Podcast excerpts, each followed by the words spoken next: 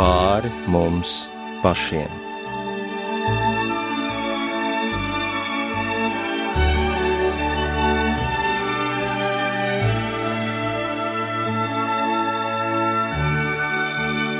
Labvakar! Skan raidījums pāri mums pašiem. Ar jums runā Rīta Brunēvica.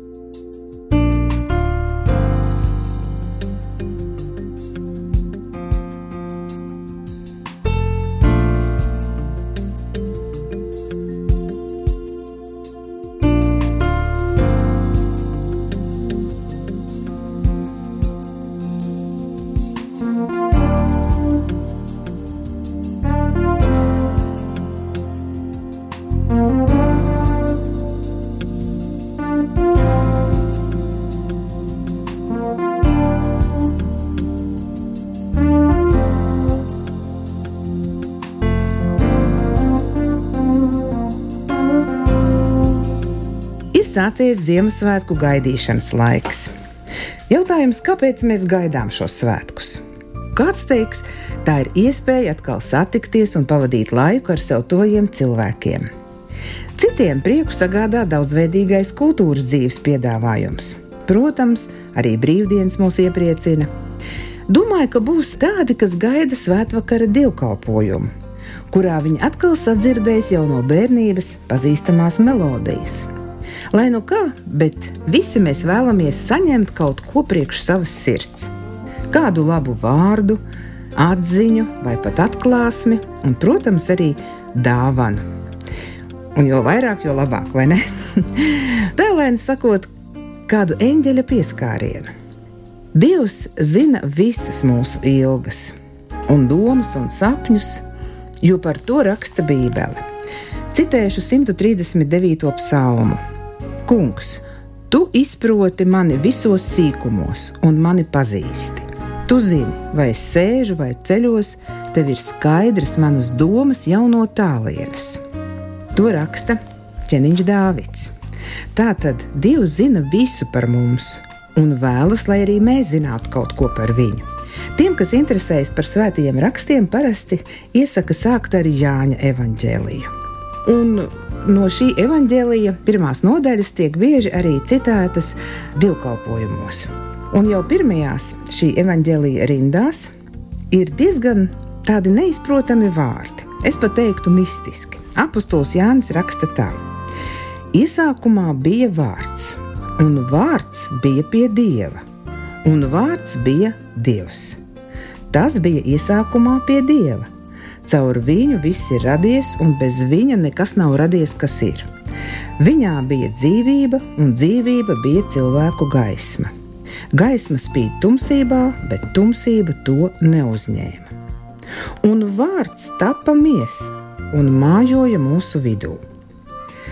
Kāds vārds tapa par miesu?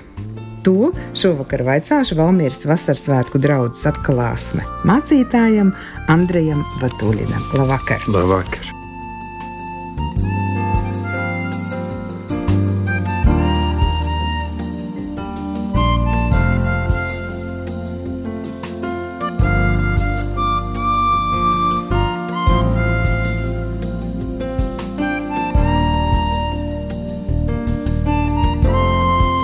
Tātad iesākumā bija vārds, un vārds bija pie dieva, un vārds bija dievs.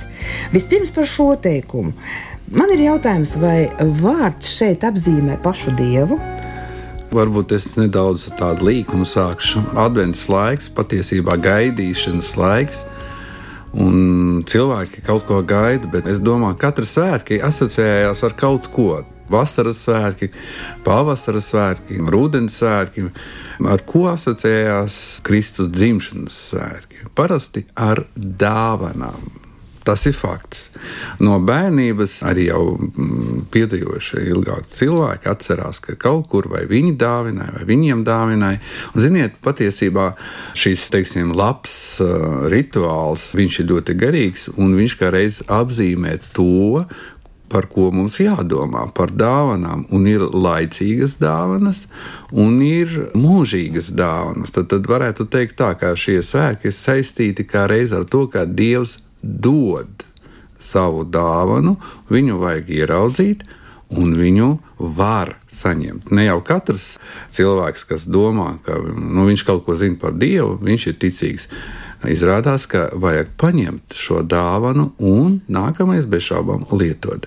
Tāpat tas, kas jau Jāņa evanģēlijā jau rakstīts par vārdu, izrādās, ka tā ir tā dāvana, ko Dievs gribēja dot un viņš ir viņu iedevis, un šīs vārds ir Jēzus Kristus. Un tad mums paliek ne tikai zināt par viņu, bet paņemt viņu un sākt lietot. Bet ir vienkāršas lietas un ir sarežģītas lietas. Un ja, ja kādu dāvanu lieto nepareizi, viņu var pat kaitēt cilvēkam. Tāpat arī ar šo dāvanu, kas ir vārds, viņu vajag lietot pareizi. Un, diemžēl ir lietas, kuras arī šodien praktizē vairāki cilvēki. Viņi lieto šo vārdu, varbūt eh, nekompetenti vai nepareizi, pat, vai pat citreiz apzinīgi sagroz šo vārdu. Tas nozīmē, ka tam vārdam ir liela nozīme. Ja pievērš viņam tādu uzmanību, tas nozīmē, ka viņš ir, ir, ir svarīgs. Un šeit, pašā sākumā, kā reizes par to ir teikts, sākumā bija vārds, vārds bija pie Dieva. Un kas tad Dievs ir? Dievs ir vārds. Un tagad ir interesanti, ja lasa uh, uzmanīgi, tad te ir daudz uzreiz jautājumu. Vārds, viņš bija pie Dieva un viņš ir Dievs vienlaicīgi. Ja? Tad, tad patiesībā mēs varam teikt uzreiz, ka uh, iet runa par glābēju, par Mesiju, par Kristu, par Jēzu. Viņš ir tas, kas ir vārds. Un viņš bija uzreiz sākumā. Viņš nav laicīgs, viņš uzreiz bija, bet viņš bija uzreiz pie dieva. Un viņš arī ir dievs. Un ziniet, kā to var būt izprast. Citi teiktu, nav loģikas. Iedomājieties, ir ģimene, bija vīrs vai līgavens un līgavena. Viņiem ir dažādi uzvārdi, un tad viņi apprecās. Un tad viņi paņem vienu uzvārdu, uzvārdu. Jā, mēs sakām, uzvārds, uzvārdu. Un viņiem piedzimst bērniņi, un viņiem ir tas pats uzvārds. Un šīs vārds vai uzvārds lietojams viens uz visiem tad, tad arī šeit varētu teikt tā, ka mēs lietojām šo vārdu vienu uz visiem. Tas ir viens Dievs. Un viņš arī ir vārds, kas nāca pie mums. Viņš bija sūtīts no Dieva, un viņš bija pilnvērtīgs Dievs šeit uz zemes. Tad, tad būtība tas ir Dievs. Un vēl svarīgi, tas ir vārds. Un, jā, viņš palika par miesu.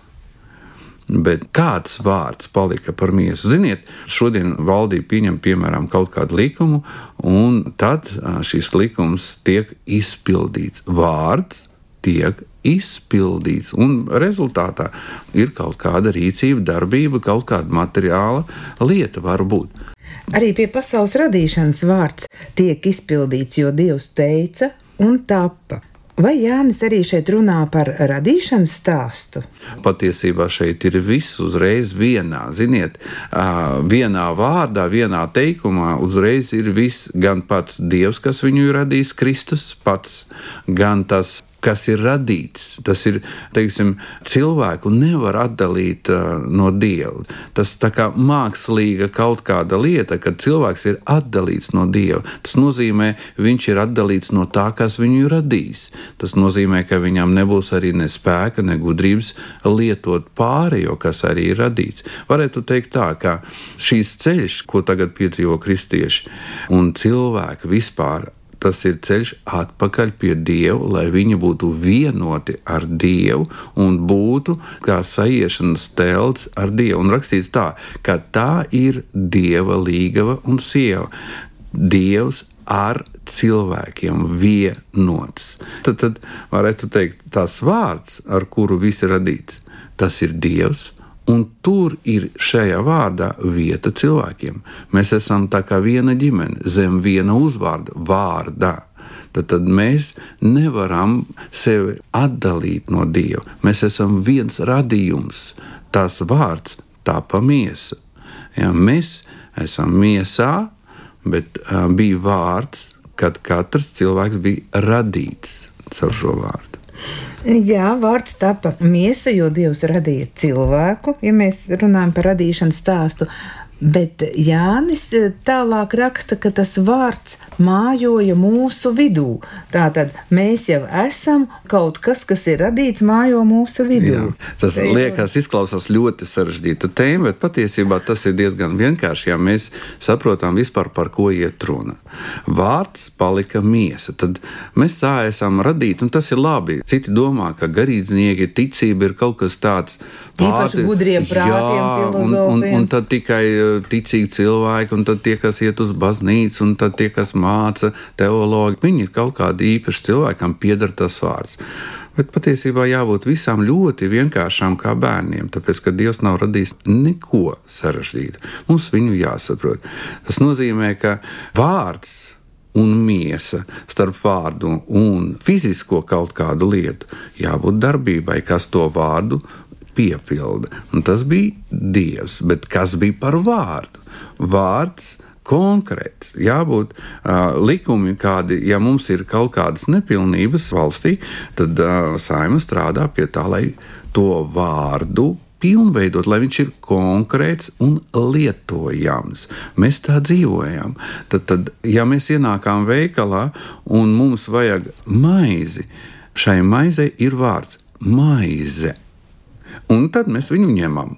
Bieži domā, ka tas vārds, kas palika par miesu, tas ir kaut kas tāds nesaprotams. Nu, Dievs, Dieva vārds palika par miesu. Es bieži uzdodu jautājumu, nu kāds? Tu taču veikalā ienāc, tev vajag ne jau visu veikalu, nu, tas arī varbūt nav slikti, bet tev vajag konkrētu mantu, lietu, ēdienu ar tādu vārdu. Un tad tu viņu ņem Un tas ir tas, ko tu gribēji. Un šeit kaut kā tā abstraktīvi grib visu to novirzīt. Nē, tas ir kaut kāds nesaprotams vārds.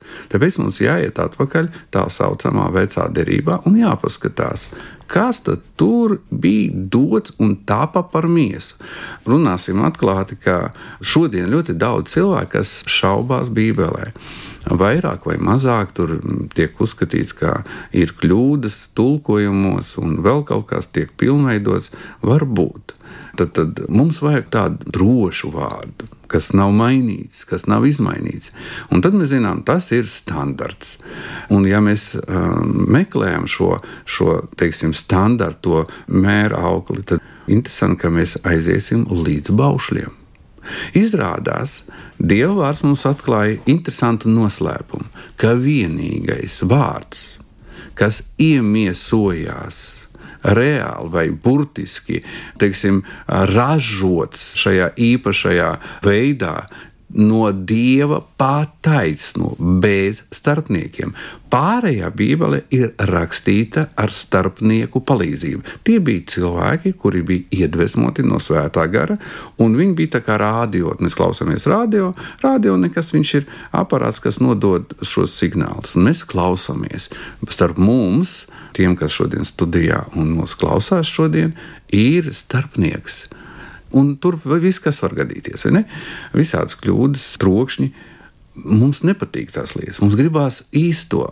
Tieši tāpat cilvēkiem vajadzētu satikties ar patiesu īsto dievu balsi, dievu vārdu, kas palika par miesu.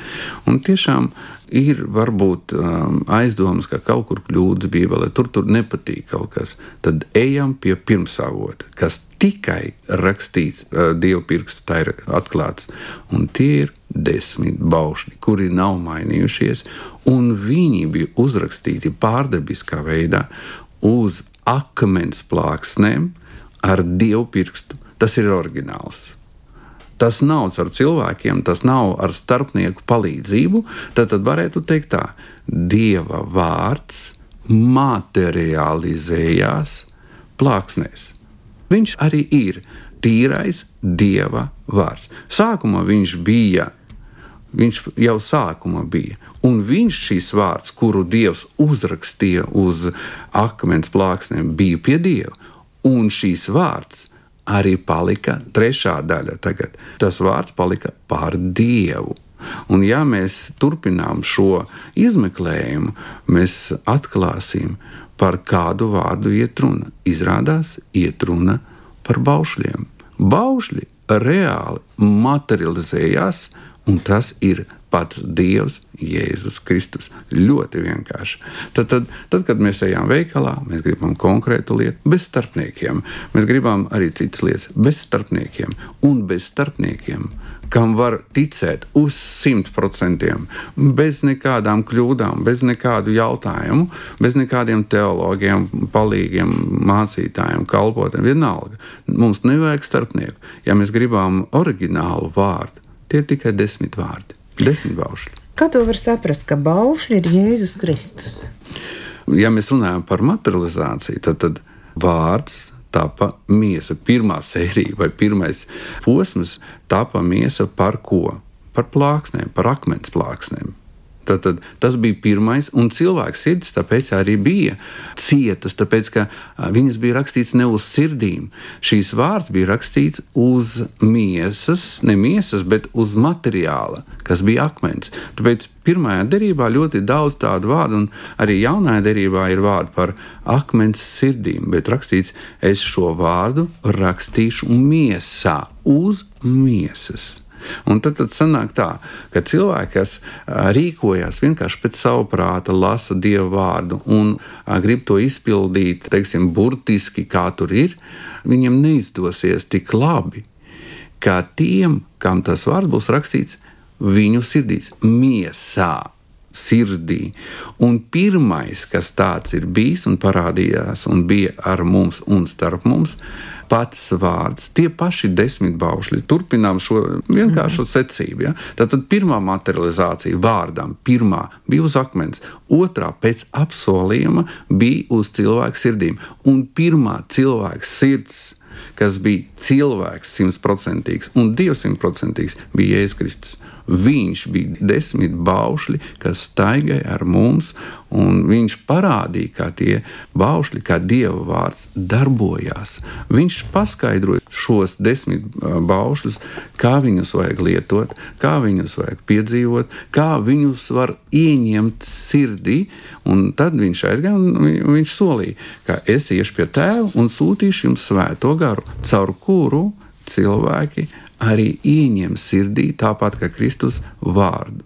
Vārds sākumā ienāk cilvēku sirdī, un tas ir tagad jauna derība. Tas ir jauns posms. Tad, tad īsa atbilde būtu tāda. Pirmā materializācija tas ir desmit baušļi, tikai tas ir simtprocentīgs standarts un bez starpniekiem. Otra materializācija bez starpniekiem simtprocentīgi tas pats vārds, kas bija saņemts Mūzes, ko saņem Sinaja kalnā iemiesojās Jēzu Kristu. Viņš nāca, lai parādītu, ka viņš ir tas vārds. Un šodien caur viņu šī materializācija notiek katra cilvēka sirdī, kas pieņem Kristu savā sirdī. Mēs pieņemam daļu no viņa, lai šīs vārds dzīvo mūsos. Varbūt nu, sarežģīti. Es nezinu, nē, nē, viss ir saprotami. Es domāju par tiem desmit baušļiem. Kā jau mēs zinām, cilvēkiem ir pretestība pret šādiem baušļiem un likumiem. Tas jau saistīts ar mūsu veco dabu. Es domāju, cik interesanti vispār tie baušļi ir salikti vai ne, ka sākumā Dievs pievērš uzmanību sev, cilvēku uzmanību, pirmie baušļi, un tālāk viņš pievērš uzmanību apkārtējiem cilvēkiem, lai mēs nedarītu vienkārši viņiem pāri. Jā, kā uztvert likumu un Dieva vārdā arī tas ir pamācīts. Likums nav slikts, ja viņš kalpo cilvēkiem. Tas nozīmē, slikts likums ir tikai tiem cilvēkiem, kas grib pārkāpt likumu. Priekš viņiem ir slikts. Tie, kam nevajag viņu pārkāpt, kam tas nespiež, tas likums nemaz viņu neskar. Tas nav slikts. Piemēram, ja cilvēkam viss kārtībā ar nodokļiem, tad ir kaut kāda tāda bārda likuma pieņemta, ka, lai tu sodītu šos pārkāpējus, Nu, viņš tikai pasmaidīs, par ko viņam nav nekā, par ko viņu sodīt un tiesāt, ja viņš to ir izpildījis pareizi. Tieši tāpat dieva likumi ir labi. Viņi ir doti. Šie likumi patiesībā ir radījuma un radīšanas pamatā. Šie vārdi, desmit vārdi, bija pamats, lai izveidotu visu pasauli un uzdāvinātu viņu Ādamam. Tas bija radīts priekš Ādama. Ādams tas pats vārds, kas iemiesojas. Kas, kas bija Ādams? Ādams bez grēka. Tas nozīmē tāpat, ka Kristus bija bez grēka. Viņš, Dieva vārds, kas iemiesojas, viņš bija pirmais. Un bija otrais Ādams, kā rakstīts, tas bija Kristus. Tad, tad vārds desmit baušļi jau eksistēja pie dabas veidošanas, radīšanas un punkts augstākā līmeņa, nu, teiksim, radījums vai iemiesojums bija Ādams. Un mēs varam lietot šo likumu. Viņš ir radīts priekš cilvēku, ne pret, bet priekš. To vajag saprast. Tā ir viena lieta. Viņš ir labs.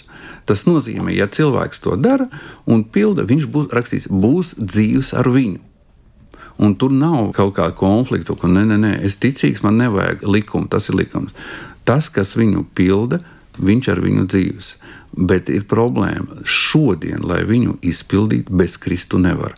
Bet, lai saņemtu šo vārdu, vajag svēto garu, viņa palīdzību, lai mēs tagad šo likumu ieņemam savā sirdī. Kā tas var izskatīties? Piemēram, apkārt mūsu valstī ir robežpunkti. Šodien tas it kā no vienas puses neko nenozīmē, bet tomēr šie robežu punkti atklāja, ka tur beidzās Latvija, sākās Igaunija, Lietuva, Krievija, vienalga kas. Tad, tad robežu punktiem ir nozīme, ka es dzīvoju iekšā valsts. Uz jumta var būt margas, lai cilvēks zina, ka viņš nenokritīs. Un uh, margas turās uz speciālām, varbūt stabiem, un šie stabi ir desmit baušļi. Ja es esmu iekšā, šie baušļi man ļauj droši turēties iekš dieva, iekš šī celtnes, uz jumta. Man nav bailes, es varu pieiet, paturēties, bet ja es gribu pārkāpt, es kritīšu. Tieši tāpat ar baušļiem. Dievs ir veidojis visu uz šiem desmit pamatiem desmit teiksim, stabiem, desmit robežu punktiem. Un cilvēks, tāpat kā visur citur, to var pārkāpt un mēģināt eh, šķērsot šos likumus. Bet rezultāts visiem ir ļauns, slikts, un ne jau Dievs tur vainīgs, ka viņš lika tādus tikai ierobežojumus priekš mūsu dzīves. Nē, nu, cilvēks var šķērsot, bet uh, pretenzijas pret Dievu tad nevar celt. Tad, tad likumi vai desmit baušļi ir robežas, iekš kurām cilvēkam ir labi. Latvijas pilsonim, es tā uzskatu, nevarētu būt nekur labāk, kā tikai Latvijā. Tas fakts, tad, tad šie robežpunkti, Latvijas robežpunkti apzīmē, kur mums ir labi mūsu valstī. Nu, var jau braukt, kur grib, var uz Angliju, uz Savienotām valstīm. Liekas, ka tur labi, bet tu tur būs vienalga Latvijas pilsonis. Tad, tad tāpat arī šeit ir dieva valstība. Un dieva cilvēkiem to jāsaprot, tas ir ļoti svarīgi, un to es gribu pasvītrot. Ja kāds uzskata sevi par ticīgu cilvēku, tad viņam jāsaprot, ticīgam cilvēkam būs labi tikai iekš šīs teritorijas, iekš šim baušlim. Skan redzējums pāri mums pašiem. Šovakar mēs domājam, kāds vārds tapa par miesu jo apustulis Jānis savā evanģēlijā, pirmā nodaļā, no 1 līdz 14 pantam, daudz runā par vārdu. Un, ja jums ir bībeles, es iesaku jums vēlreiz šo pirmo nodaļu pārlasīt, bet mēs tieši šovakar skatāmies uz šo vienu teikumu. Vārds tapa miesa un skaidrojam to, kāds vārds tad tapa par miesu. Studijā ir Valmieras Vasaras svētku draugs atklāsme mācītājs Andrejs Vatūļins. Mēs jau esam raidījuma sākumā noskaidrojuši tādu īsu rezumē, pateikšu, ka tas vārds, kas tapa par miesu, ir, kā izrādās, paša dieva rakstīts, materializējies uz akmens plāksnēm, uz tām plāksnēm, ko dievs deva mūzum, kad viņš ar viņu satikās tur Sinaja kalnā. Un šis vārds tā tad ir ierakstīts uz akmens, bet tālāk tas tiek rakstīts mūsu sirdīs, tātad cilvēka miesā. Un kā to var izdarīt? To var izdarīt tikai caur Jēzu Kristu, kas ienāk cilvēka sirdī.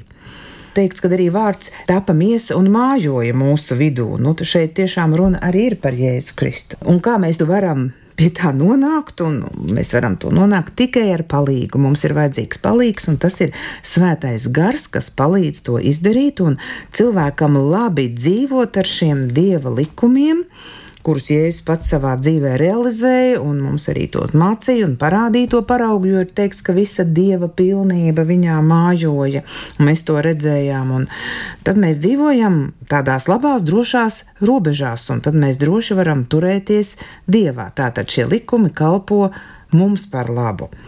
Bet par tiem baušļiem vēl domājot, nāk prātā jaunais bauslis, ko Jēzus saka, es jums dodu jaunu bausli. Te varētu domāt, labi, tad tos vecos tagad liekam malā, un kas tad ir tas jaunais? Varbūt būs vieglāk ar mm -hmm. to uh, sadzīvot. Jaunais bauslis jums būs mīlēt viens otru, un lai būtu mīlestība jūsu starpā. Un tad mēs lasām vēl paskaidrojumu. Dievs ir vārds bet arī rakstīts tā: Dievs ir mīlestība. Redziet, patiesībā šeit nav pretrunas. Mēs eh, vienā vārdā sakām likums vai baušļi, bet mēs to pašu vārdu varam citā, nu, teiksim, valodā pateikt. Eh, tas nav bauslība, tā ir mīlestība. Kad mēs sakām bauslība, tas ir kaut kādi ierobežojumi. Es gribu, bet nedrīkst. Bet tad, kad es saku mīlestība, es šos baušļus negribu šķērsot. Varētu teikt tā, ka jauns bauslis, ko deva Kristus, patiesībā ir jauns nosaukums vai jauns piedzīvojums iekš baušļiem. Baušļi nemainījās, un viņi nav atmainīti. Tas nozīmē, ka Kristus viņus izpildīja, viņš parādīja, kā to var darīt. Bez mīlestības to nevar izdarīt. Mīlestība vispirms uz Dievu, tas ir pirmais, Un tad, kad ir mīlestība, patiesa mīlestība uz Dievu, tad arī būs patiesa mīlestība uz cilvēkiem. Ja nav pirmās darbības, ja nav vērsies cilvēks pie Dieva, tad viņa mīlestība, kas vērsta uz cilvēkiem, diemžēl viņa ir humāna, viņa ir pozitīva. Varbūt kaut kas nav slikts arī šajos jautājumos, bet pamatā viņa ir ļoti sāpīga. Tāpēc, ka nekas nenāk atpakaļ. Lai kaut ko dot, lai šo mīlestību kādam uzdāvināt, viņu taču vajag saņemt. Tas ir mūsu dzīves gan garīgais, un tieši tāds pats fiziskais likums. Tu nevari iedot to, kā tev nav. Tad, tad arī mīlestība, ja kāds domā, ka viņš kādu mīl, varbūt tādas jūtas piemeklēt tādu cilvēku, bet patiesība ir tāda, ja tādam cilvēkam nepazīstama dievu mīlestība, tad cilvēciskais avots ļoti ātri beidzās, un no mīlestības līdz naida viens solis. Tad sākumā veidojās ģimene, bērni un pēc tam šķiršanās. Kāpēc? Tāpēc, ka nav kur smelt šo mīlestību. Tāpat mašīna šodien, vismaz šodienas tehnika, viņi nevar bezgalīgi braukt. Viņi brauc no benzīna tanka līdz benzīna tankam. Un vajag uzpildīt, un tad atkal var droši braukt. Tieši tāpat ar šo vārdu. Dievs ir mīlestība, un viņa mājās starp mums, bet vajag viņu uzpildīt. Un tas ir arī vēl viens likums. Mums nepārtraukti vajadzīgs benzīna tanks, kas ir Dievs viņa mīlestību. Tāpēc Jēzus arī saka tādā secībā mīliet Dievu un mīliet savu tuvāko kā sevi pašu. Jā, ja? tas, tas ir tas, tas ko Kristus kā reiz atklāja, kā tas strādā. Viņš neko citu neatklāja. Viņš saka, to pašu, ka viņš izpild baušļus. Tas nozīmē, ka šie baušļi ir labi. Viņi ir tieši radīti priekš cilvēka. Un šajos baušļos, ja mēs viņus lietojam mīlestībā, tad mēs palīdzām cilvēkiem, mēs ceļam cilvēkus, bet ja tur nav šīs mīlestības, tad burts nokaus. Mēs nevaram mīlēt šos cilvēkus patiesībā, mēs mīlam tikai paši sev. Un tad arī citreiz tā mīlestība beidzās traģiski. Cilvēki dara pašnāvību. Kāpēc? Viņi ienīst ne tikai apkārtējos, bet arī sev. Šī mīlestība ir beigusies, un tā ir traģēdija, kad liekas, ka, ka viss beidzās ar nāvi, nokauju. Jā, tu pieminēji citātu arī no Bībeles apustulis Pāvils. To saka, vai ne burts nokauj, Jā. bet gars dara dzīvu. Un daudziem šī raksturvieta patīk ar to domu, nu, ko tur daudz rakties tajā vecajā derībā, teiksim, un tā, Jā. jo burts taču nokauj, bet lūk, gars dara dzīvu.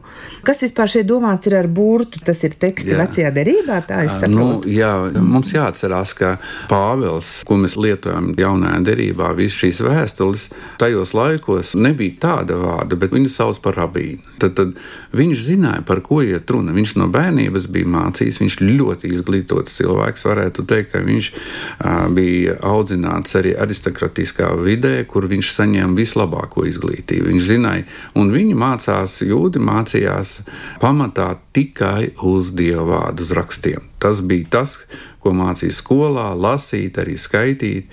Tad, tad, tad kad mēs sakām svētie raksti vai bībele, ebrejiem stāv vārds svētie burti.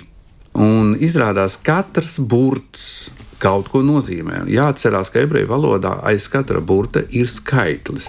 Tāpēc varbūt tā ir tāda gudrība, ebreju valodā lasot Bībeli, viņi uzreiz pielieto arī matemātiku. Tas vienlaicīgi strādā, un bērns, kad mācās, viņš vienlaicīgi skaita. Tas interesanti, brīnišķīgas lietas notiek. Caur to arī attīstās bērnu prāts. Tā ir ļoti laba lieta. Un tad, kad Pāvils saka par burtiem, viņš burtiski nosauc sauc vārdu tādā īstā, dabiskā ebreju eh, nozīmē, jo viņi sauc ne jau svētie raksti, vārdi, viņi to sauc svētie burti. Tāpēc burts, kas nav piepildīts ar mīlestību, kas nāk no dieva, mīlestību uz dievu, tad šīs burts nenesīs pozitīvus augļus. Tā bija tā doma, ko Pāvils arī gribēja pateikt. Cilvēki, ja grib lietot Bībeli, lietot Dieva vārdu, vienkārši lasīt, nezinot Dieva mīlestību, šīs vārds viņiem kaitēs. Varētu teikt tā, ka varbūt labāk pat nelasīt to, kas tev nesīs problēmas, un tas tā arī ir. Es satiku vienu cilvēku, kuru Dievs bija dziedinājis. Viņš bija jauns savu laiku, viņš bija dziedināts no ļoti smagas uh, tuberkulozes. Viņš bija norakstīts uz miršanu, tas bija jau vairāk nekā 20 gadi, 25 gandrīz atpakaļ. Jauns jauneklis, kaut kur ap 20 gadi. Sešas gadus viņš pavadīja slimnīcās, un viņš bija rakstams nost. Un tad Dievs viņu dziedināja. Un dziedināt, jā, bet par ticīgu cilvēku nevarētu teikt. Viņš saprata, ko nevarēja ārstīt, to izdarīja Dievs. Tur nebija šaubu, tur nebija kaut kāda cita varianta.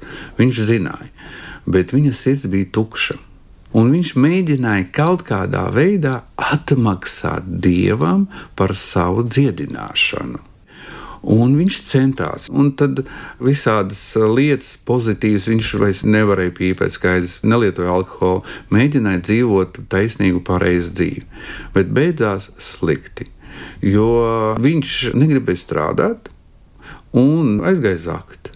Sākumā bija viens pārkāpums, pēc tam vēl un vēl. Es nezinu, kā beidzās viņa dzīve, bet viena māsa no draudzes bija satikusi viņu Rīgā ļoti sen, arī kaut kur gandrīz 20 gadus atpakaļ. Tas bija viņš tirgoja ar savu miesu. Vīrietis, jauneklis, palika par prostitūtu. Un, kad viņš satika šo sievieti, viņš izmisumā teica, labāk es nebūtu zinājis neko, nekā es tagad grēkoju un man ļoti slikti vārds reāli, bez dieva, bez tā, ka tas bija rakstīts sirdī, nokāva šo cilvēku. Un tas ir reāli tāds gadījums, reāls cilvēks, kur es zinu, ka, nu, varētu teikt tā, ka bez mīlestības šīs vārds ļoti sāpina cilvēku. Lasot Bībeli, bieži vien jau mēs arī daudz ko nesaprotam. Tad arī varbūt var domāt, ka vērt ciet, un tas burts tā kā nokauja mani. nu, vajag ņemt to pozitīvo. Redzat, kas ir, godīgi teikšu, man nepatīk, kad šodien baksta ar pirkstu cilvēku acīs par to, ka viņš dzīvo grēkā. Jā, katrs zina, ka viņš dara nepareizi.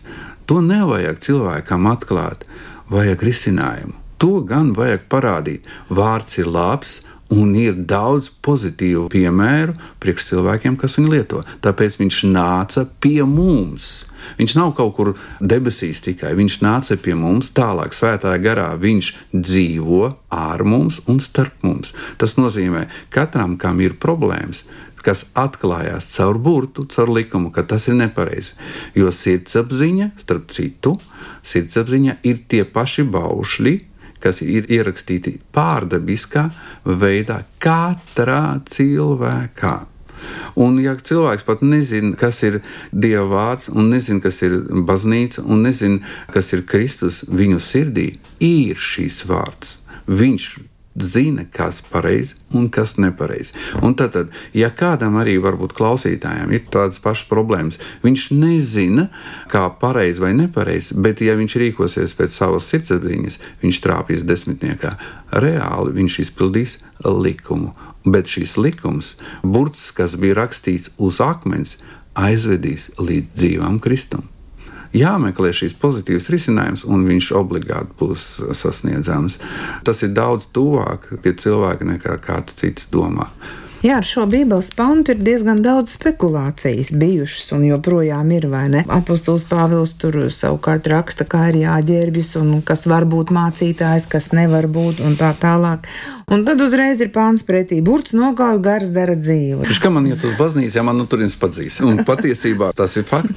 Man sieva, kad pirmo reizi aizgāja, nu, viņa bija ekskursijā, un viņu padzina ārā no baznīcas. Tāpēc, ka viņi kaut kur pagriezās ne uz to pusi, kur vajadzēja pagāt. Viņi nesaprata, par ko iet, un viņi izdzina ārā no tās vietas, kur vajadzēja sniegt palīdzību.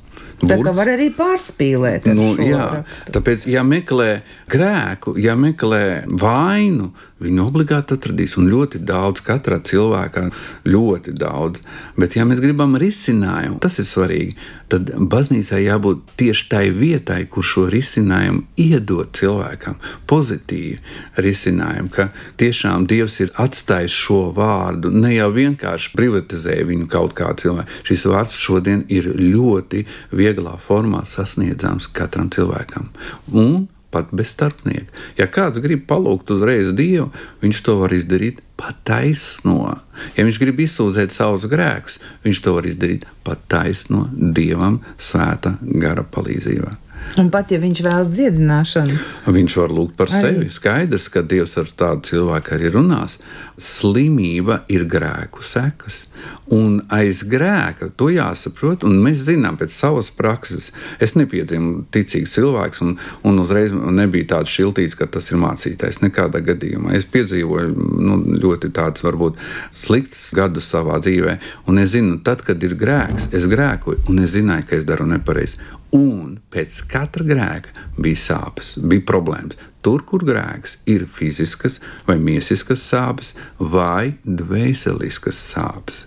Visur, kur ir grēks, apzīmējās viņš ar sāpēm. Mums to jāsaprot. Ka, jā, var jau pie ārstiem, psihologiem, psihiatriem, vēl pie kaut kā, var pat aiziet pie mācītāja. Bez šaubām, kaut kādu palīdzību, tabletīti var dabūt arī. Garīgo tableti arī var dabūt no mācītāja. Bet mums vajag risinājumu, lai vairs nesāp. Nu, ne jau nesāp tāpēc, ka tas pretsāpju līdzeklis strādā, bet tāpēc, ka es esmu brīvs no grēka. Tas ir ļoti vienkārši. Kā jau raidījuma sākumā minēja, tuvojas Ziemassvētki. Tie, kas dosies uz dievnamiem un kam šie svētki ir teiksim, ar tādu kristīgu ievirzi, dzirdēs vēsti par glābēju piedzimšanu, par Jēzu Kristu atkal un atkal. Par Jēzu Kristu es gribu raidījuma noslēgumā. Kas viņš mums ir šodien? Vienā vārdā tas ir iespēja, pārdabiska iespēja tikt debesu valstībā, mūžībā ar garantijām, un tā ir pārdabiskā iespēja ne tikai sakārtot, vienkārši sakārtot savu dzīvi, bet ieejot caur viņu, kā caur durvīm, baudīt šo dzīvi. Jo viss, kas ir radīts, to jāatcerās un jāsaprot, ka tas nav radīts naidīgs pret cilvēku. Otrādi, viss, pilnīgi viss ir radīts, lai cilvēks baudītu to, ko Dievs ir radījis. Un patiesība ir tāda, bez Kristu mēs neprotam baudīt. Mēs protam cīnīties, uzvarēt, upes pagriezt otrādi, kosmosā aizlidot, vēl kaut kādas lietas. Bet baudīt, tas ir kaut kāds iekšējs stāvoklis, ko var saņemt tikai no tā, kas to ir radījis. Un priekš tā ir nācis Kristus. Varētu teikt tā, tad, kad tagad sākās šīs laiks, gaidīšanas laiks, var pārdomāt par to, ko es gribu. Ziniet, ir cilvēki, kas pat kaunās kaut ko prasīt dievam. Tāpēc, ka liekas, nu, tas nemaz kārīgs nav vēl, bet uh, Dievs to ir radījis, lai mēs baudītu to un varētu pateikties viņam. Skaidrs, neiet runa par grēcīgām lietām, jā, bet par dabiskām, kas nes mums labumu. Mēs varam lūgt, un caur Kristu mēs to varam saņemt un priecāties. Nesen mums bija raidījums par lūkšanu, vai Dievs uzklausa visas Jā. lūkšanas. Un te nu mēs pie tā nonākam. Andrej, tu saki, ka var lūgt Visu, ko sirds vēlas. Ziniet, nu, bērniem saka tā, vakarā jūs varat kaut ko izdomāt pie sevis, tā tādu cerību ierakstīt vēstulē, un tad nāks salatētis kaut kāds vai vēl kaut kāds rūķītis, un tad no rīta tev tas materializēsies. Ja? Un vecāki, kamēr tas bērns guļ, lasa to vēstuli un skrien uz veikalu un pērk. Tad bērnam liekas, nu reku tas rūķītis beidzot vai um, salaveicīts atnāca un viņš ir reāls. Bet bērnība paiet, un tad jau bērns, teiksim, kad viņš paaug, viņam ir kaut kur tāds ne rūkums, bet varbūt sāpes, ka viņu patiesībā kā bērnu piemuļķoja. To taču materializēja teicis un māma.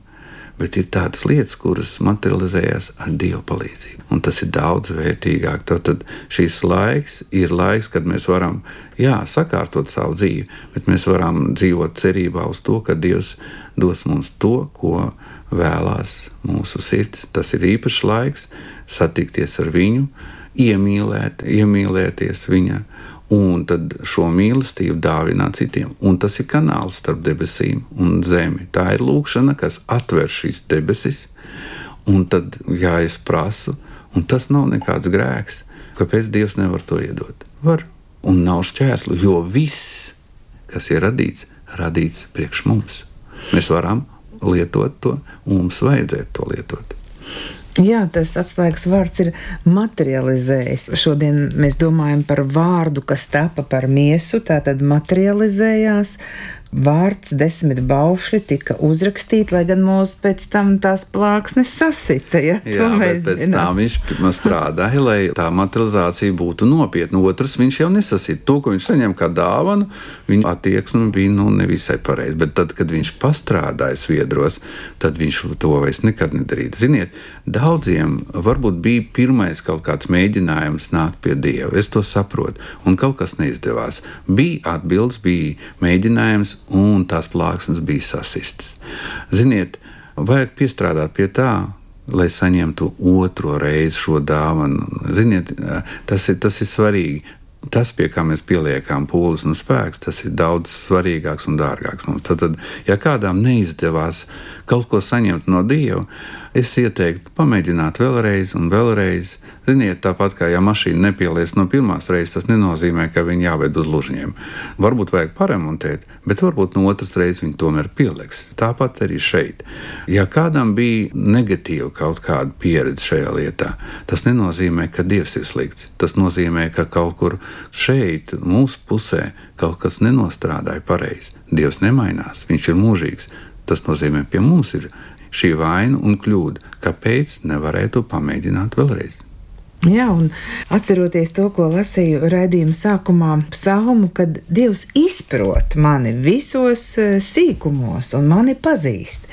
Un, ja Dievs izprot, tad tiešām tās lūkšanas durvis atverās, vai ne? Un es varu tad, lūgt. Jā, man patīk šīs laiks īpaši tāpēc, ka viņš tā noskaņo cilvēku uz pārdabisko uz to, kāds ir Dievs, ka Viņš ir nācis tādā vai savādākā veidā. Kaut kur tas parādās. Tad, tad tas ir laiks, kad mēs varam praktizēt savas lūkšanas. Varbūt tas ir īpašs laiks, kad arī mūsu sirdis ir gatavas saņemt labu un dot labu citiem cilvēkiem. Tāpēc es vienkārši ieteiktu izmēģināt šo laiku vai izmantot viņu tieši priekš tā, lai izveidotu attiecības ar pašu kungu atkal jānovēl, lai jums izdodas. un lai jums ir priecīgs šis Ziemassvētku gaidīšanas laiks, un lai jūs noteikti arī piedzīvojat kaut ko pārdabisku. Paldies!